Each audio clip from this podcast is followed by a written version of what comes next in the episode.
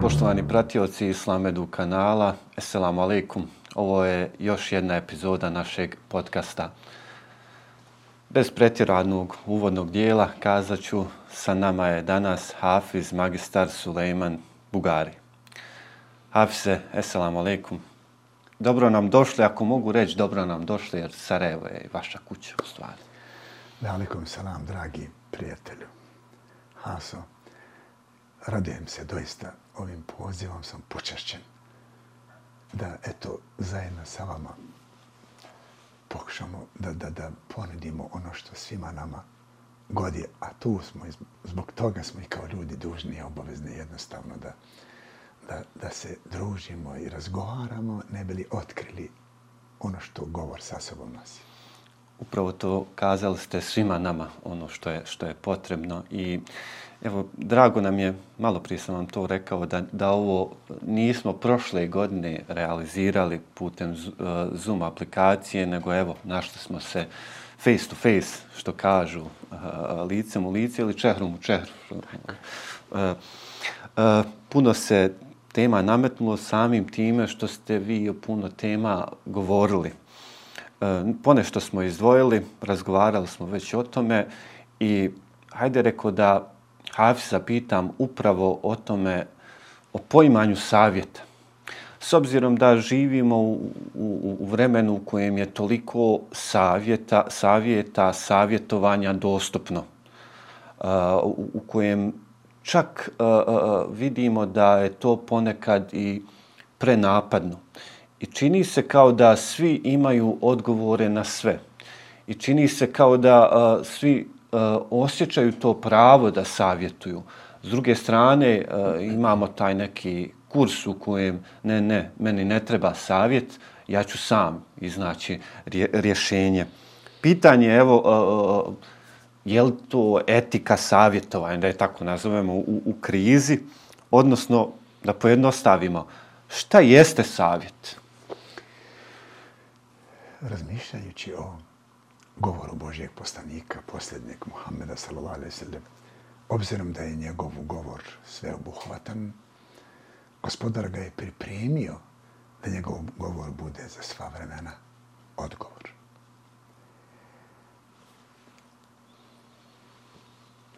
Imamo u, u praksi Islama i u teoriji, naravno,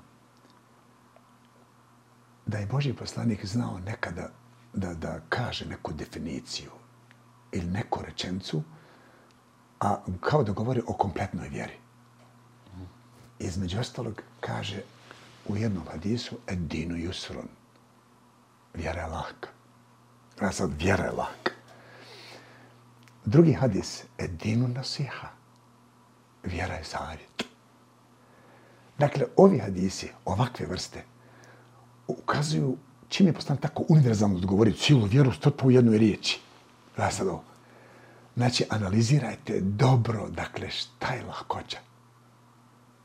Analizirajte, analizirajte dobro šta je savjet. Istražujući, dakle, značenja i blagodati koje nose, dakle, govor Božje poslanika, evo konkretno ovaj hadis edinu nasijaha, vjera, vjera je savjetovanje.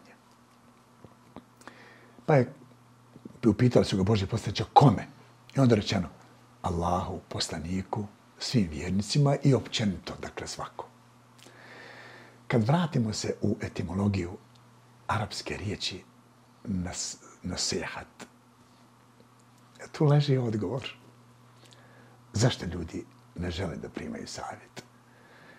I zašto ljudi se osuđuju da, se, da svoj savjet nameću? I zašto ljudi ne vole savjetnike? Korijen te riječi znači potpuna iskrenost. Savjetovanje, nasijat.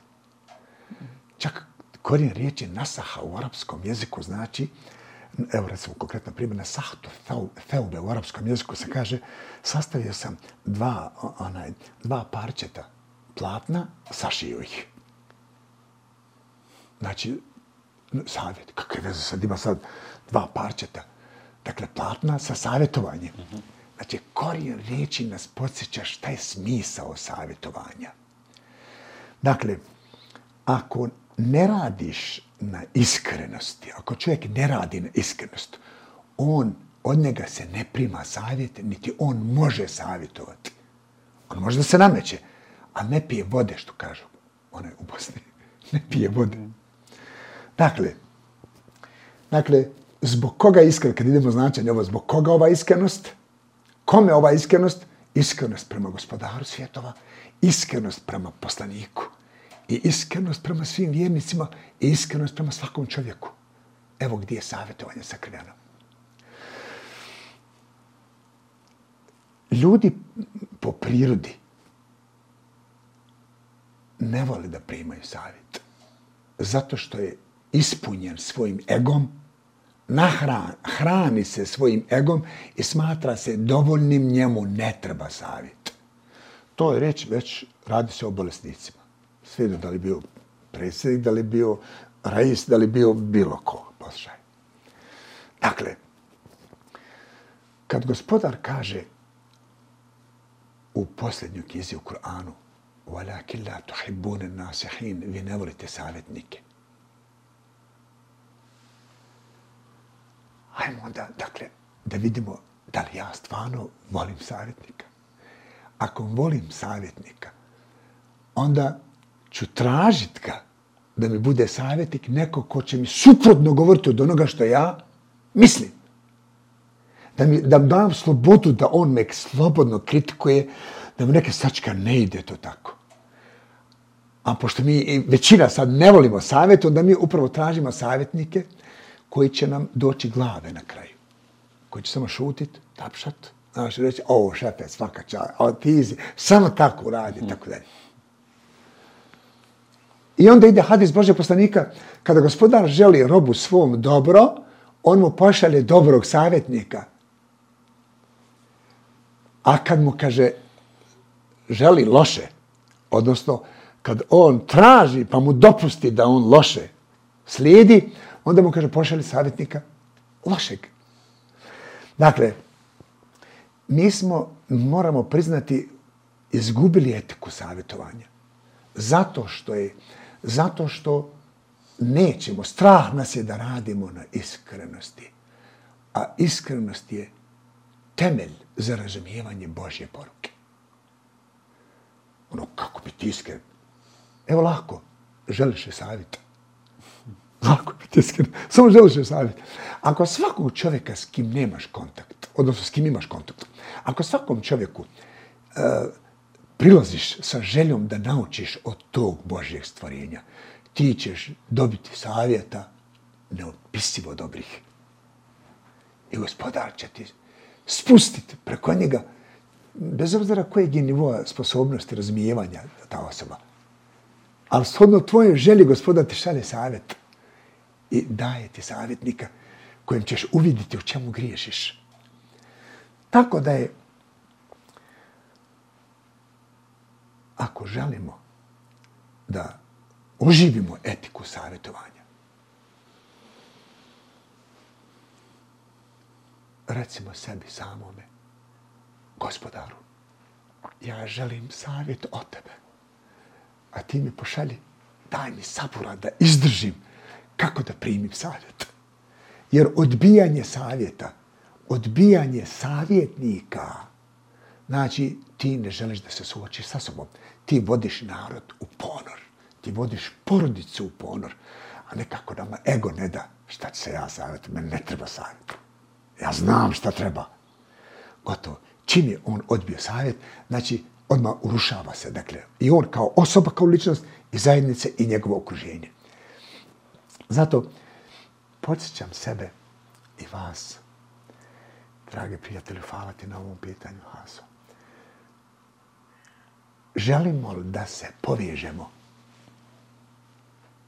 na, na, na različite načine, da se povežemo, da nađemo zajedničku nit koja nas veže. Samo savjetom ćemo se moći povezati. I sad ide ono, hajde da se sašijemo. da sašijemo puknuto, raspuknute veze među nama. Pocijepane odnose među nama. Distanca među nama, samo savjet. Ja onog trenutka kad sam počeo da, da, da očekujem savjet, jer znalo mi se u toku dana deset po, da upisim se, ja hoću da zapišem taj savjet, hoću da zapišem. Što? Ja sam ja svedok da sam samo korisnik toga, to nije moje. A mi, pošto inače volimo da prisvajamo sebi znanje i metod i djelovanje i dobro djelo, onda nemamo snagu da primimo savjetnike i mrzimo savjetnike. Ne volimo savjetnike. Gospodar kaže, volaki la tuhibbu na nas Vi ne volite savjetnike. Interesantno rečeno savjetnike. Neće ne volite savjet. Možda i volite čut savjet, a da ne kažeš od koga si uzuo. Neće da kažeš, Hvala, naučio sam od tog i tog čovjeka, to i to hvala mu najljepše što je prouzrokovao da ja korigujem sebe u životu. E, ovo je, ovo je odgovor po meni. Dakle, hajmo da probudimo etiku savjetovanja. Nećemo moći da mijenjamo stanje ako ne, bude, ne budemo očekivali iskreno savjet, bez obzira preko koga će gospodar slati savjet. Nevjerovatno je koliko to otvara u kuransku priču o prošli, priču o, o okazivanjima, o prošlim narodima i, i poslanicima. Ako uzmemo u obzir da su poslanici upravo bili ti savjet, savjetnici koji su došli uh, E, narodu, jel, u, u, u prijevodu nalazite se u takvom i takvom stanju, evo ruke spasa. E, doslovno i jedna od glavnih karakteristika Korkut je preveo e, tih elita, glavešina kako je Korkut preveo, jeste upravo ta uh, ti uski vidici, onaj, uh, savje, odbijanje u stvari savjeta ili negiranje istine. Kako, ali doćemo do te otvorenosti nešto, nešto kasnije. Ima jedno, jedna tema i pitanje koju smo evo povremeno u našem podcastu e, tražili smo odgovor tu i tamo. Razgovarali smo e, to pitanje duhovne e, potrebe, e, savremeni svijet, različiti fenomeni su gurnuli i religiju i duhovnost negdje u stranu, pa govorili mi o sekularizmu, govorili o materializmu, kako god, različitim svjetonazorima. E, neki su predviđali tu neku smrt religije, smrt duhovnosti, e, svijet će e, funkcionisati po nekim drugim pravilima. Međutim, drugi su opet se usudili reći, ne, ne, 21. stoljeće će biti stoljeće religije. Eh, ja uvijek tu dodajem i etike. Religija i etika eh, podrazumijeva tu neku etičnost u svijetu. I vidjelo se, evo, da, da, da kao, u dobrim dijelom čovječanstvo je reklo, dobro, imali smo eh, te i te faze, evo, naš razum nas je doveo do pa ipak desili su nam se vel, prvi, drugi svjetski rat, desio nam se genocid u, u, u Ruandi, u Srebrenici. I šta je smisao? E, govori se o smislu. Kako posmatrate te sve fenomene? Spomenuo si e, da su ljudi, svejedno kakvog su pogleda bili, da su svjesno ili nesvjesno potisnili religiju čak i u sistemu obrazovanja. Mi smo svedoci toga, ja sam svjedok, evo, komunizmu konkretno. Čim se čovjek usudio da odstrani suštinski dio sebe, ili ja tu dio sebe, prosto čovjek ima dva dijela, ova dva segmenta, ovo vidljivo i nevidljivo. Ima um, ima, ima um, ima i srce. Znam sad, znaš, no, hajme da pričamo o umu, a da se postavimo srce. Ili hajde da pričamo o, o, o srcu, da zapostavimo um. Mm. Dakle, to je sukup. Dakle, ja se pitam šta je nije natjeralo da potisnu religiju? Šta? Požuda. Žele da se ima što više, a da drugi pati. Sebičnost, egoizam, umišljenost, zavist, da ne nabrajemo ove bolesti. I, i njegova neograničena sloboda u djelovanju čak da zlopotrebljava drugog koristeći neku želju, da ispuni svoju neku želju. Dakle, šta je upravo religija, šta je upravo vjera učinila, šta je ponudila čovjeku? upravo da napravi spoj između uma i srca. Da napravi spoj. A svako je imao neki razlog zbog čega rekao, gotovo, religije, o religije nema ništa, to je opijom za narod. Govorili su i to opijom za narod. Ne treba nam to, to je osnovni problem za društvo i tako dalje. Evo konkretno sad mi ne upada onaj Freud, on je upravo govorio da svi problemi, svi konflikti, da kod društva su zbog religije. A njegov učenik, Jung, suprotno kaže, svi problemi u društvu, konflikti, svađe, su upravo zbog nepostojanja religije. Ne, učenik direktno. Šta ovo govori? Dakle, čim je učenik prvi koji otkriva različit pogled, tražeći, znači, spoj, da napravi spoj u čovjeku između ove dvije blagodati koje su mu date, ne bili um pronašao sebe. Dakle, oni koji su dali prednost umu, a zapostavili su srce, evo stanje ovo koje smo sad, u kojem se mi nalazimo. Evo. Dakle, ratovi, mržnja, netrpeljivost, distanca, bolesti, ovo ono što, zapostavili se srce. A oni koji su dali prednost srcu, zapostavili su um, evo što se dešava, inače, oni ne mogu da ponude rješenje. Zatvoreni su. Vjeruje u nešto, a on ne zna u šta vjeruje. On to samo naslijeđeno vjeruje, a svojim ponašanjem ne želiš da razgovaraš sa njim. Nema pristupa. Što? Zato što je zapostavio um. Zato spoj između uma i srca, to je alternativa, to je rješenje. Nije ni džaba sada. Društvo je natjerano, dovedeno je u čor sokak kad je u pitanju, dakle, taj socijalni pristup, dakle, čovjeku, duhovni pristup, emocija čovjekove i tako dalje, vidjeli su da jednostavno nije dovoljno što je, što je o, e, racio toliko opismenjen i um toliko opismenjen da je ova nepismenost koja dominira sad je samo zato što je zapostavljeno srce. Vidite kako je redosled išao racionalna inteligencija je dostigla visok nivo. I mislili smo da samo racijom se može dovoljno racijom da riješi sve. Međutim, nema rješenja problema. I onda ide druga faza, ajmo, emotivna inteligencija, da vidimo šta se radi na polju emocija, da vidim šta je njega, šta je njega natrlo da on tako reagira, kako se osjeća kad ga neko pofali, kad ga neko uvidi i tako dalje. Nepismeni smo na tom polju bili. I onda ova emotivna inteligencija je pokušaj daj da, da, da vidimo, da napravimo spoj. Vidjeli su da i to ne može. Evo sad nova faza, a, atraktivna, najljepša, najbolja, upravo koja pravi spoj, duhovna inteligencija. Sad već na zapadu, već imaju instituti za duhovno istraživanje. Dakle, to je dokaz da smo svjesno potisnuli religiju misleći da je to opijem jok. To je nešto što budi u tebe sve vrline zatrpane u čovjeku. Dakle, dobro, istini, to je lijepo, to je ono što svak voli. Dakle, znači, esenciju života, dakle, smo zapostavili. A predali smo se egzistenciji, toliko smo se predali egzistenciji, evo, je to, najde, jedem, da pijem, da spavam, to, sve, a zapostavlja esencija. Dakle, egzistencija bez esencije je ništa, izgubljeno vrijeme, patnja, teror, mobbing. Zato mi se posebno svidilo kad sam analizirao šta je, šta je esencija, između ostalog, kažu filozofi, lingvisti i tako dalje, kažu, kaže, sama riječ, onaj, onaj, esencija ima riječ ese, a ese znači bit, srž. I sad pojašnjamo koje su tu osobine u, u, u samoj biti. Kaže, dobro, lijepo i istinito. Slušaj ovo, dobro, lijepo, istinito. Aha, ima kod da ne voli dobro. Da ga vidimo, da, da ga vidimo. Ima kod da ne voli lijepo ima ko da ne voli istinito. Mi smo se zadržali samo na ovo lijepo. Jo, jes lijepo, bit će ovo vidjeti ovo. Ja, ima to ovo, kupiti ovo, baš je lijepo. A koliko je dobro. Tada da vidimo, tvoj prijatelj, tvoj komšija nema.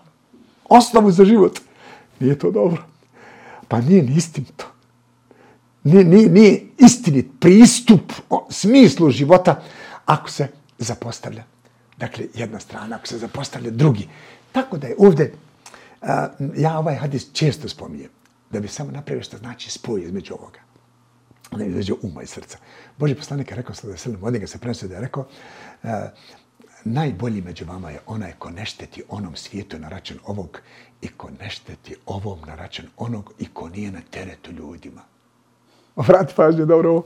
Dakle, onaj ko se posvećuje onom svijetu na račun ovoga, on remeti ljude. A onaj ko se posvećuje ovom na, na račun onoga, remeti ljude. Jer oni na teretu ljudima. Zato nije ni čudo što je ova duhovna potreba. Skoro sam pročitao jednu knjigu Amerikanca, onaj, uvisnost gladnog svijeta, ovako nekako se zove naslov. Možda sam pogriješio, ali znam da je o gladno, o, ono, odnosno o a, a, gladnog duha zapravo. Obratite, ovo, gladan duh. Što? Znači, um je napunjen i prepunjen i više ubija se. Ne, ne zna šta će od sebe. Što? Ne zna kako će. Jer nema vodilju. Nema osjećaj. Nema ljubav. Nema razumijevanje. Nema širinu otvorenosti. I onda je zatvoren. On remeti ljudi, on remeti porodicu.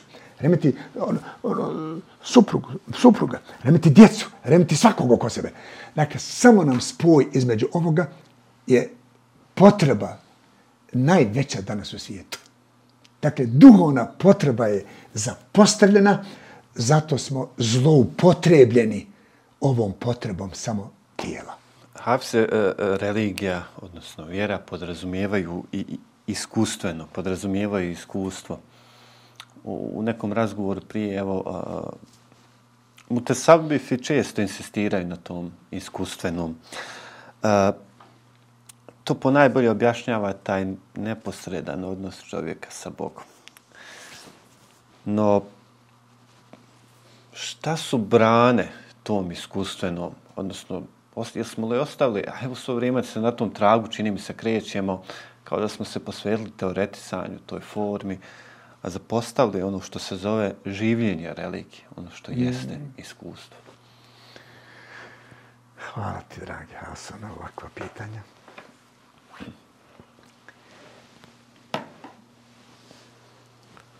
Teorija je gledanje, kažu lingvisti. Sama riječ teorija gledanje. A praksa je djelovanje ili uvid. Dakle, Boži poslanik svojim ponašanjem je podučavao kako da gledamo i kako da uvidimo. Dakle, kako da se napravi spoj između teorije i prakse. Opet se vraćamo slično, slično na razlog između, malo prije što rekao smo, um i srce i tako. Lako je gledati. Ali treba uvidjeti situaciju. Da bismo uvidjeli, potrebno nam je iskustvo. A što znači iskustvo? Gospodar često kroz Kur'an kaže mi im šaljemo probleme, kušnje, a ovaj kad ne, ne bili došli sebi, završetak ajeta. Prvi dana ne bili se vratili. Gdje da se vrate? Spoju. Originalu. Da dođu sebi, nikad dođu sebi, čovječe, šta ti je? Aha.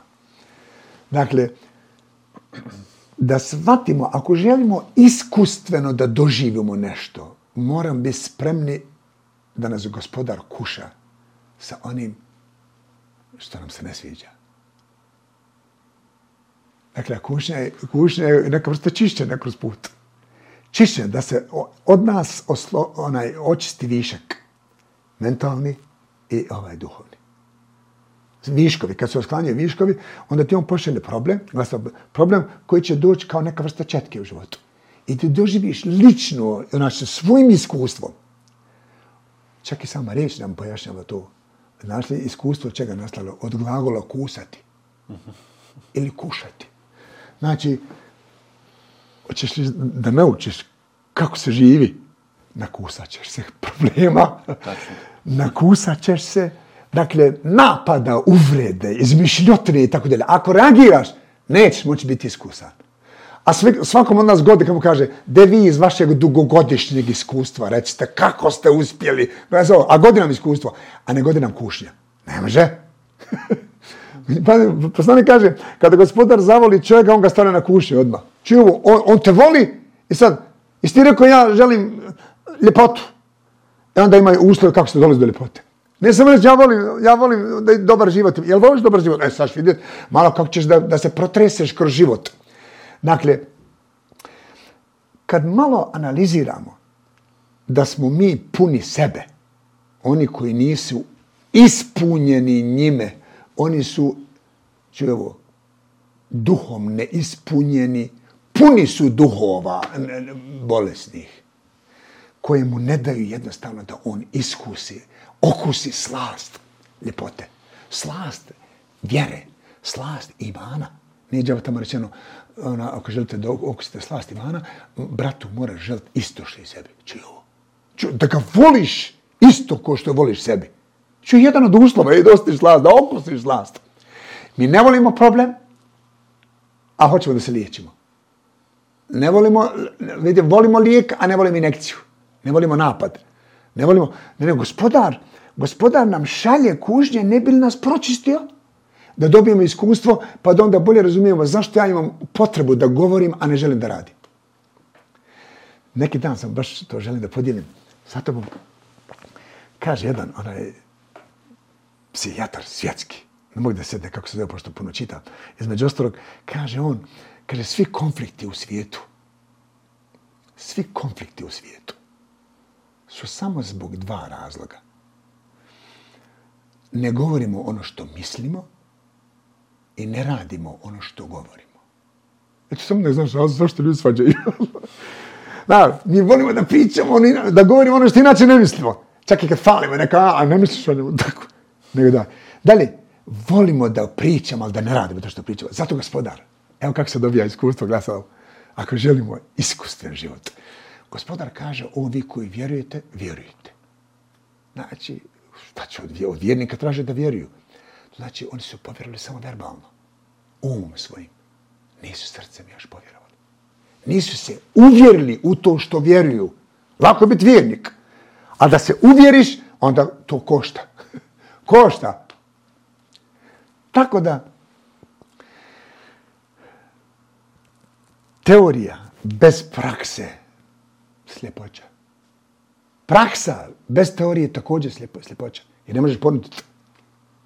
Jedno bez drugo ne može.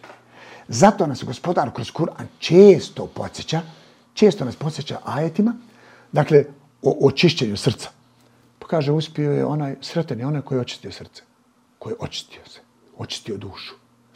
Znači, hoćeš da budeš iskušan? Dopusti. Dopusti da budeš očišćen. A mi ne volimo. Uvijek volimo kad nas tako fali, uvijek volimo da ljudi imaju lijepo mišljenje o nama, čak se i nerviramo kad priča protiv nas što, zato što već imamo neko izgrađenu sliku o sebi. I mi ne možemo, mi, mi nemamo iskustva. I to ne pije vode. Čovjek koji nema iskustva, ko na sebi nije doživio neke stvari, on ne može niti biti savjetnik. On ne, od njega se ne prima. A će reći, jes bilo dobro. Predavanje na visokom nivou. Ali on od toga ništa nije primio. Zašto nije primio? Zašto nema iskustva nije se nakusao, nije se nakusao kušnji koje pročišćavaju nas iznutra da bismo mogli bolje da svijet gledamo, da bolje razumijemo ljude. Nama je, nama je ostalo sve nekako, nažalost, u teoriji. Djeca danas osjećaju. Danas čak i ovu metodu učenja i obrazovanja uvjerili smo se da ne pije vode. Što? Zato što smo posvjetili se, samo ostali tu na teoriji, a nećemo. Strah nas je da se suočimo sa iskustvom. Ja hoću da čujem tvoje iskustvo, ću o tome. Nemoj mi tu iskustvo, to mora se empirijski dokazati. Slušaj, ovo, kako ću ja tebi dokazati da te volim? Slušaj, kako ću ja dokazati da te volim? To ima i dijela, tako dalje. Znači, a naša dijela pokazuje da mi nemamo ljubav. To znači, ne volimo da kušamo se. A gospodar nas priprema, najavljuje nas. Mi ćemo vas kušati i metkom, i ovim, i onim. Napred nam najavljuje. Što? Što da bi naučio kako da razumijevaš drugog? Da izdržiš, da ne odgovoriš kad te neka uvrijedi. Zato kaže obradu istrpljive, a izdržljive. E tu nam je ta, tu nam je ta slabost, ali nadam se da omladina ta koja je otvorena, ona se otvara i jasno, polako razumijevaju, razumijevaju ona je to tačno razlikuju kad neko samo priča, a inače u dijelu nema. I onda oni kažu, nemamo šta, od njega idemo dalje, nema veze, gospodaru moj popravi ga i tako dalje. To mi se posebno sviđa kod ove današnje omladine, bez obzira na stanje ovo koje jest. Mm. Ali od omladine se očekuje, mi njima ne otvaramo to polje. Zato što volimo da, da se, volimo da promovišemo sebe, a ne da promože, promovišemo Božju milost. Nema, te, teorija i praksa je uzaludna ako nema želje za promovisanjem uzvišenim, neš, ne, ne, nečeg uzvišenog, nešto što je lijepo za svakog, nešto što je dobro za svakog i nešto što je istinito za svakog.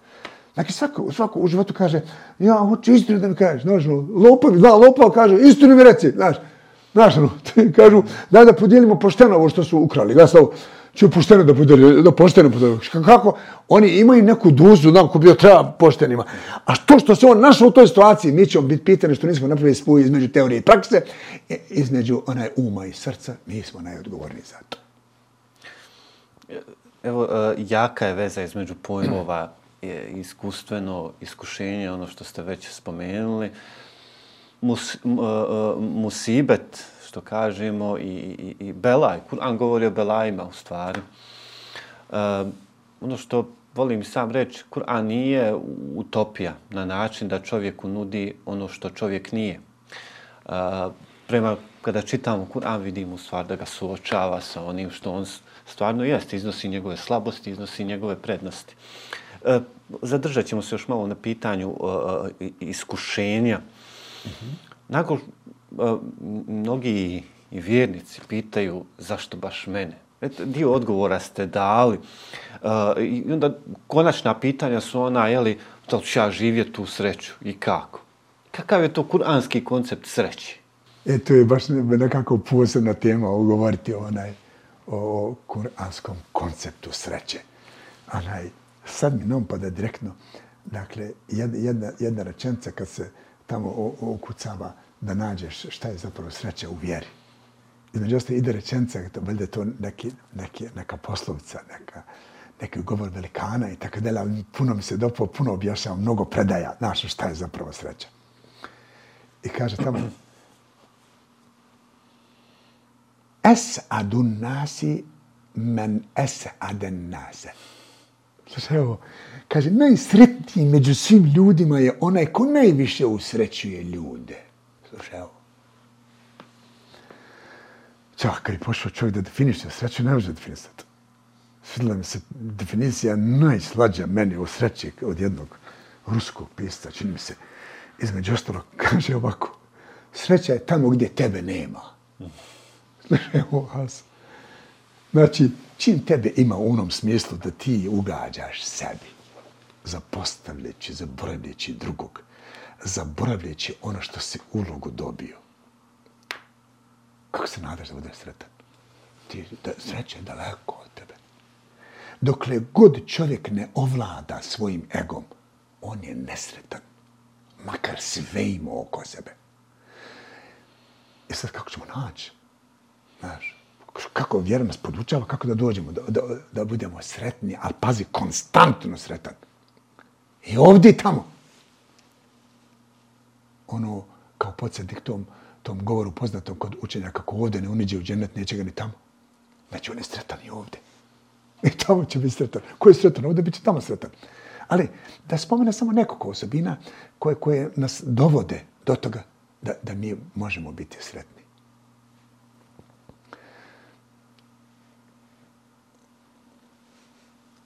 Gospodar a, govori u Kur'anu oni koji su sretni, kaže, oni su, kaže, u džennetu. Slušajmo. Ono. ovo. Ledine su idu fe fil dženneti.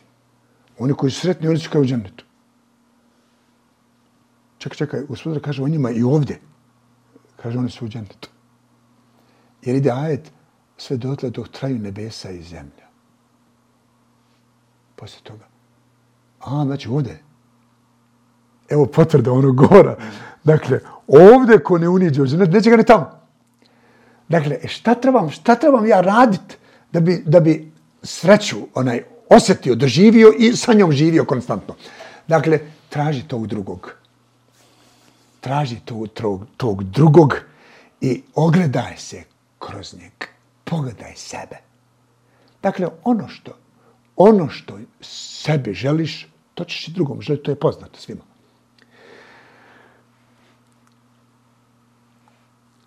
Ali ja, ako nisam kod sebe izgradio osjećaj da drugog doživljavam ko sebe, onda sam ja udaljen. Udaljen sam od to treće. Ako ja bježim da se sretnem sa tobom, da se vidim, svejedno ko si ti, kojeg si praca, kojeg si pogleda. Znači, ja, želim, ja bježim od sreće.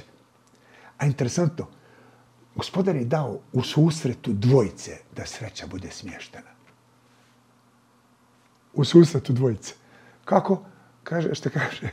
Kad se dvojica na, nađu, gospodar je treći. Čuju? Kad su trojica, gospodar je četiri. Vidi ovo sad. Sreća je sakrivana u, u druženju. Ili još direktnije u susretu. Ko bi rekao da je reč sreća nastala od glagola sretati se? Čak i pomaganje u arapskom, međusobno pomaganje u arapskom korijeni riječi. Jes, znači, jes, isti. Dakle, za, zašto bježimo od sreće? Zbog čega? Ili drugim rečem, zašto bježimo od džemata? od, od druženja, od susreta, zbog čega? E, strah nas je da se suočimo sa sobom. Dakle, strah nas je da upoznamo sebe. Dok ne budemo, nećemo okusiti sreću ako ne budem radio da ovladam svojim egom. Skoro sam na jednom mjestu rekao, vlada koja ne, ne uči građane da vladaju sobom, ne vlada se dobro. Ne piše joj se dobro. Evo svjedoci smo da se inače ne piše mnogo što što, zato što ne učimo vladanje nam je, e, nije prolazno. Naš u školi naše izvladanje, smanjimo vladanje. Što je zašto ne vlada?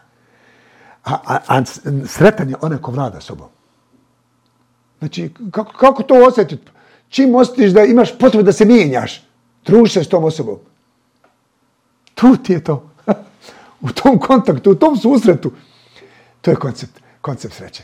Dakle, dakle ona, analiz, analiziranje propisa Božjih su toliko povezani sa, sa našom svakodnevnicom i daju nam odgovore gdje griješimo, kako pristupamo, šta, šta, šta zakazujemo, u čemu, u, u čemu griješimo. Sve se što rekao malo, znači, tebe suoči sa tvojim slabostima.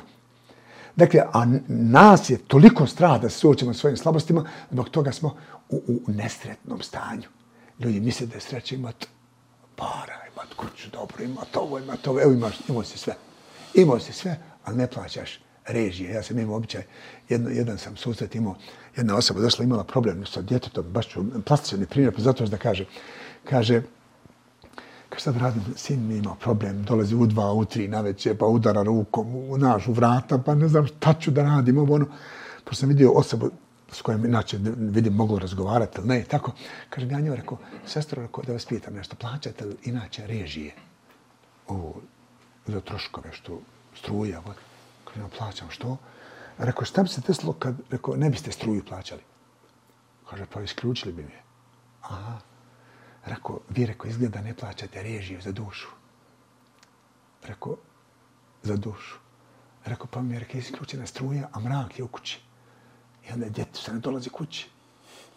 Ona je toliko inteligentna, odmah je shvatila, kaže, shvatila sam šta si ti reći. Tačno sam zapostala, zapostavila dušu. Zapostavila sam kaj vjeru. Evo, sama si odgovor, sama si odgovor, dobro. Dakle, mi hoćemo da budemo sretni, a nećemo da se srećemo. A nećemo da budemo susretljivi. I onda ko neće sreću, naravno da je nesretan. Neće da se sreće.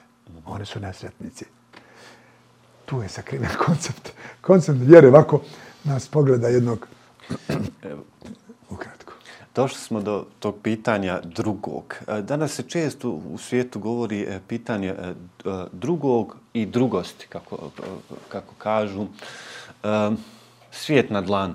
Doimalo se da, svima je evo kao svijet na dlanu, doimalo se da će to, da to podrazumijeva neku vrstu više uključivosti, više širine kod ljudi.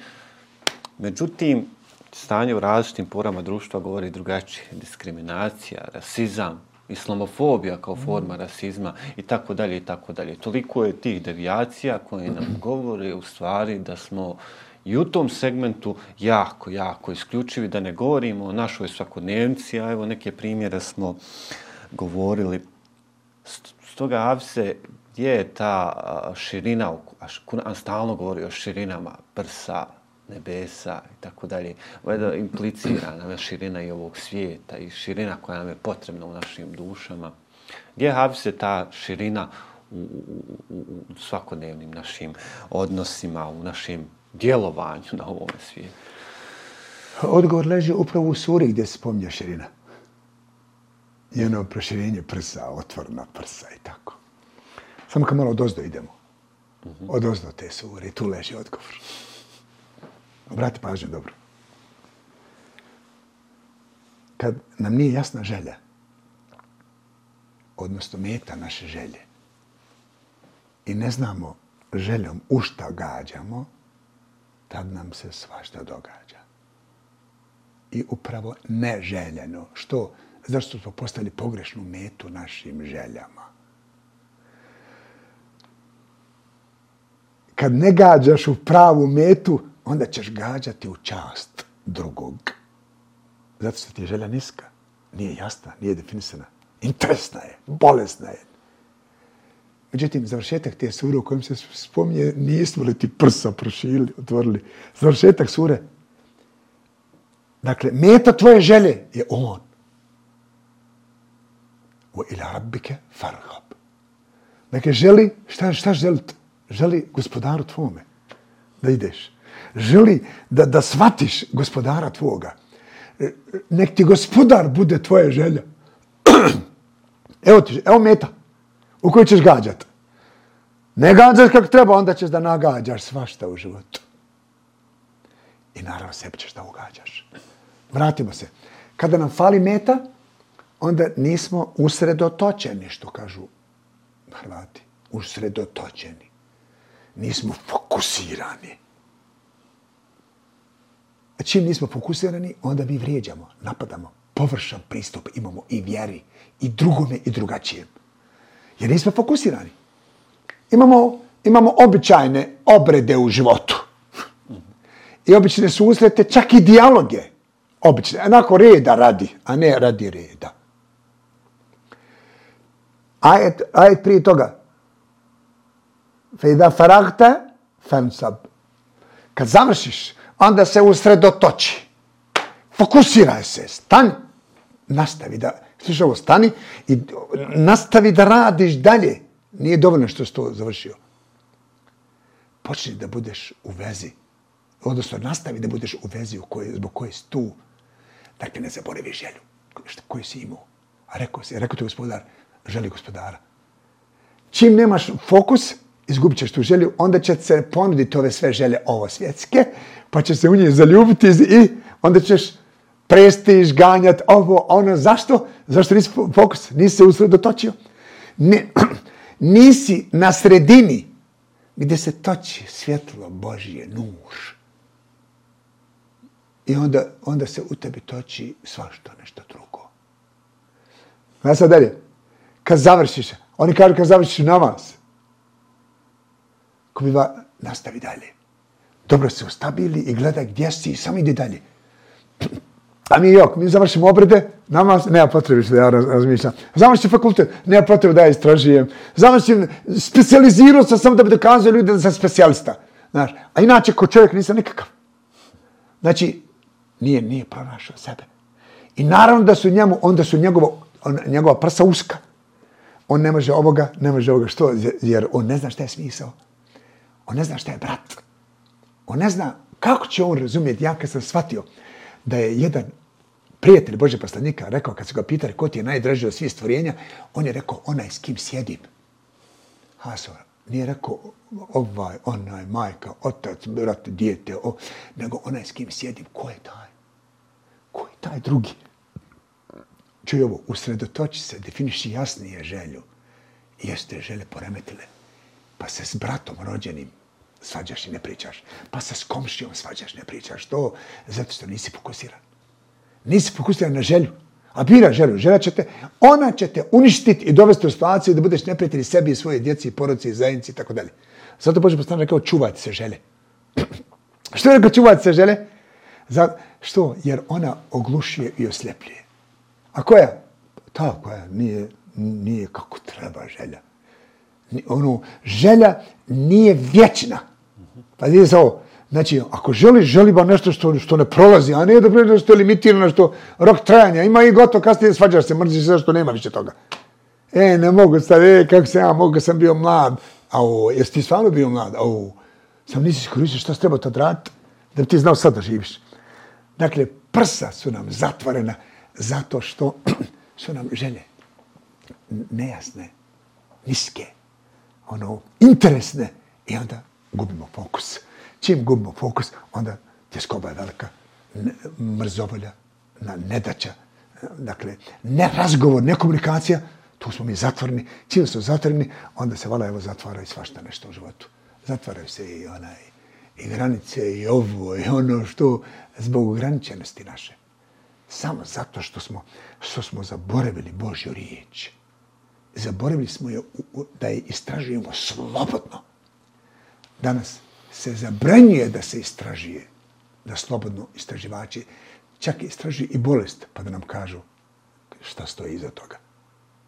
Nemoj to, nego traži ovo. Nemoj to, nego traži to, zato što je uskost. Nema širine. Zatvornost jedna. A Boži poslanik je toliko širok bio. I njegovi prijatelji, ashabi, toliko široki, da su oslobađali srca, osvajali su srca, ne teritorije, a danas osvajaju teritorije. Što? Ko ne vlada sobom, voli da vlada drugima.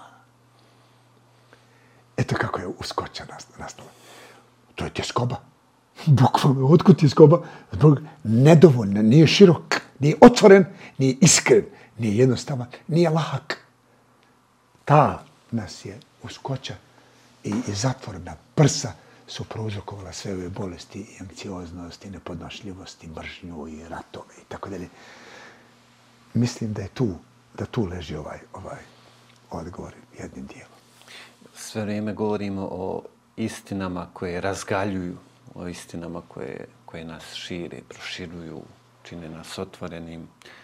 Došli smo do, do posljednje teme, a želim da vas da ovo otvorimo i da na kraju time i zaključimo. Kako onda iznositi istine vlastitog dina? E, velike priče pletemo o reformama, tumačenske tradicije, reinterpretaje, sve to stoji, sve sve treba e, detektujemo, je li?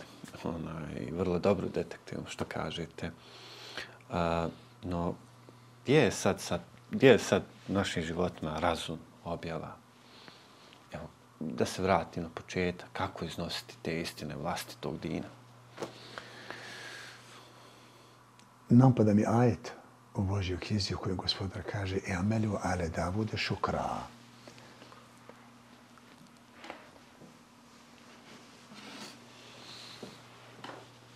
O porodicu Davuda,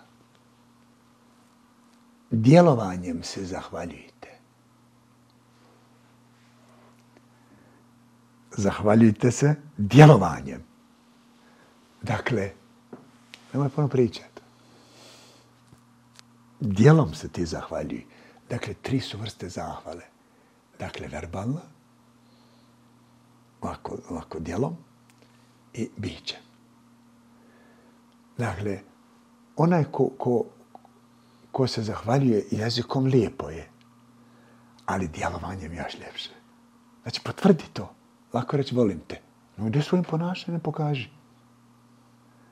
Dakle, mi smo upravo to, znači puno priča, puno, puno knjiga, puno i tako, ali posebna je nauka kako sprovesti, sprovesti u praksu ono što inače pričamo, što znamo.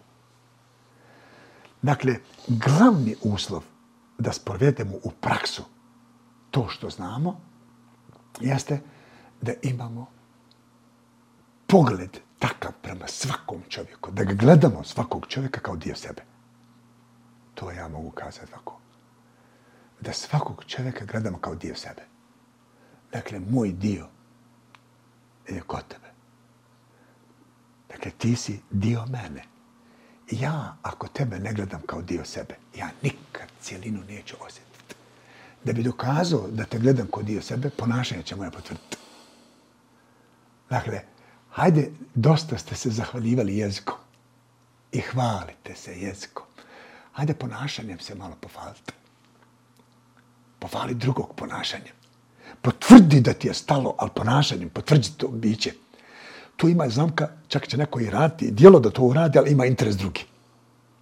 Ima i toga, tu je još jedna zamka također.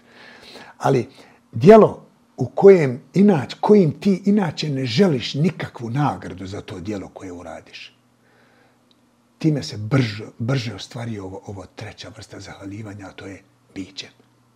Evo uslov, ako želimo da, da dijelom potvrdimo to što govorimo, evo jedna, jedna tableta, evo za mene. Dakle, ja to što radim ne želim, ne želim ni da me fale, niti da očekujem od ljudi nešto, niti za, da zarobljavam svojim dijelom. Tim dobrim djelom. Ako postoje ove tri stvari, znači lažno je djelovanje. Ostaćemo samo u priči. A kad pogledamo Kur'an, upravo gospodar kaže slijedite i tebi umeles elikum ajran wa muhtadun slijedite onog ko ne traži nagradu jer su oni upućeni. A u drugom ajetu kaže Inama nutaimukum li veđi Allah, la nuridu minkum jazana wala shukura. Mi vas hranimo, podržavamo vas samo radi njegovog zadovoljstva. Ne očekujemo od vas niti hvala, niti nagradu. Gledaj, sad sve se vraća na isto. Dakle, želimo li da, da u praksi sprovedemo to što pričamo, da se osjećamo tako, ovo, ove stvari treba uraditi. A, a malo je, kako ja njemu to uradio, amen, da to, kad sam uvaljio, a gotovo ti sve očekivo. Dakle, ovo često ponavljam, dakle, bolesno srce je ono koje vrijeđa, koje se vrijeđa i koje očekuje. I to nema prakse. Nema prakse koja oživljava. Mi smo, mi, mi smo, mi smo majeri, specijalisti smo u objašnjavanju kako bi šta trebalo u životu. Međutim, kako da ja u praksu sprovedem svoju vjeru, i još ovo ću reći, poželimo učitelja da nas poduči kako da sprovodimo u praksu to što znamo. Biće bolno, poslaće ti, ali prihvataj. Prihvataj, otkrićeš kako se bićem zahvaljuje. A ne samo dijelo. Ne samo dijelo, jer će biti oni koji će i dijelom se zahvaljuju. Evo, mi smo radili, mi smo napravili džami, mi smo ovo, mi smo školu, mi smo ovo, mi smo sve.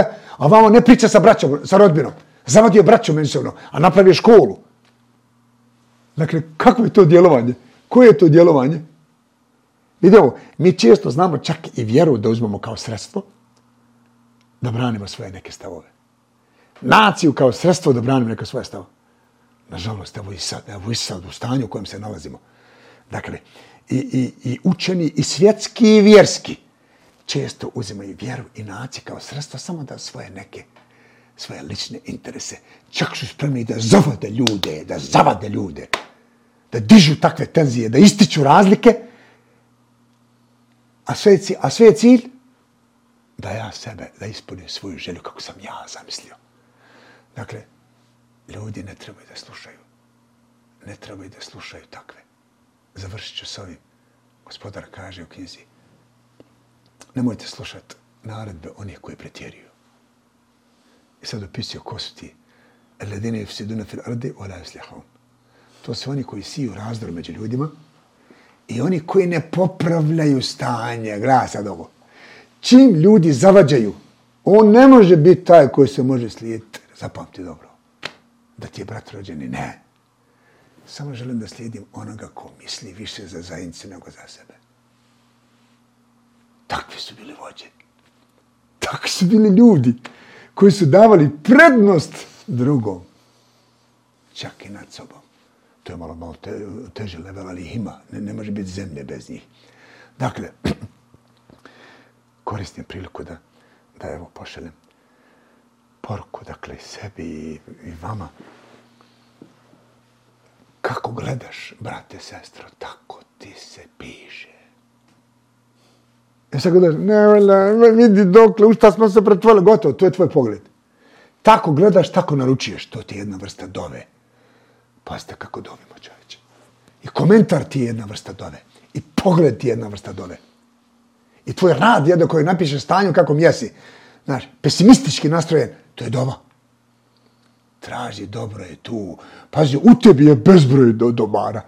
Oko tebe puno dobro ti ne vidiš, a tražiš tamo negde sreću, tamo negde tražiš dobro. Sve ti je tu, ako si tu. Vratimo se na širinu, ako si fokusiran, ako si usredotočen. Nadam se da će, da će narod, da će omladina shvatiti šta nam zapravo treba. Treba nam da budemo svo ono što jesmo, ništa drugo. Gledaj dobro, misli dobro, radi dobro. Naravno da ćeš vidjeti dobro. Čim ti ne gledaš dobro, gotovo ću. Čim ne radiš dobro, gotovo, što očekuješ? Onda kriviš narod, kriviš zajednicu, jok. Dakle, po mene su vođe najodgovorniji, najodgovorniji, ovo u posljednje vrijeme spominjem. Dakle, učeni ljudi. Elita. Najodgovorniji su za stanje u društvu. A valja preseliti, valja napustiti ovaj svijet. Valja poruku, valja poruku univerzalnu objave uzeti. uzeti. A naša, mi, mi, mi, mi, nemamo, mi nemamo i stvarnu javu. Imamo ovu javu, evo, ovo svjetsko koje smo mi napravili. To ću spomenuti, kad smo se družili, malo sam spomenuo. Svijet hoće da živi u svijetu, današnji svijet voli da živi u svijetu kojeg je on napravio. Pa se izgubio totalno, gubi se. Neće da živi u svijetu koji, kojeg, im je, kojeg im je gospodar dao. A on je toliko doba, toliko neopisivi dobra ima, nego Isa, alaih salam, rekao je, u potrazi za duš, u potrazi za materijom izgubili su i dušu. Zato nemamo dozvoliti. Jedan život imamo. Iskoristimo. Valja, valja preći u stvarni, istinski život, a on se odavde može dokućiti. Evo u vašim posljednjim rečenicama, porukama, ima dosta poruka u stvari, nekako naslanjaju se na ovaj kontekst Bosne i posljednjih mjeseci gdje stvorena je ta neka java o toliko turobnoj stvar, tegobnoj stvarnosti u Bosni, a vama Bosna puno znači, dobar dio svoje mladosti i evo i karijere, misije, profesije, kako god nazvali, ste proveli, proveli ovdje i drago nam je da da ste baš evo i početkom ove godine, kažem u ovom vremenu kada je dosta i tog pesimizma i, i, i tako dalje i tako dalje, da ste uputili upravo takve porke. Hafize, bilo, bilo nam je zadovoljstvo, bilo je meni lično zadovoljstvo, evo svima nama, nadam se da će ovaj razgovor biti, da će potaknuti, da će motivisati, da će biti i ovako pouka i tako dalje i tako dalje. Hvala vam na vašem odvojenom vremenu, evo na ovom razgovoru. Hvala i vama i mene je obradovao doista ovaj poziv i to je, gledam vas kao takvu omladinu, to je ta omladina koja fali ovoj našoj zajednici. Ima ih, ima i samo im treba otvoriti prostor. Jer oni su puni, dakle, ideja, puni entuzijazma i ljubavi, samo im treba motivisati, podršku dati. Ovaj narod je, ovaj narod je slika, slika svijetu kako treba kako treba se živjeti. Još ovo, prosti. Dakle, neću zaboraviti kada jedan Amerikanac rekao između ostalog, kaže, onaj ko želi da shvati živu toleranciju, nek ide u Bosnu. Živu toleranciju. Kaže, i poslije rata oni otvaraju ruku jednom drugom, da, da se oslobodimo onoga što remeti meni i tebe. Mislim da je ovo kraj dobar. Jeste, sigurno. Evo, e, nadamo se da će biti upravo ta motivacija o kojoj govorite. Dragi naši pratioci, bila je to još jedna epizoda našeg podcasta. Esselamu alaikum, do narednog puta.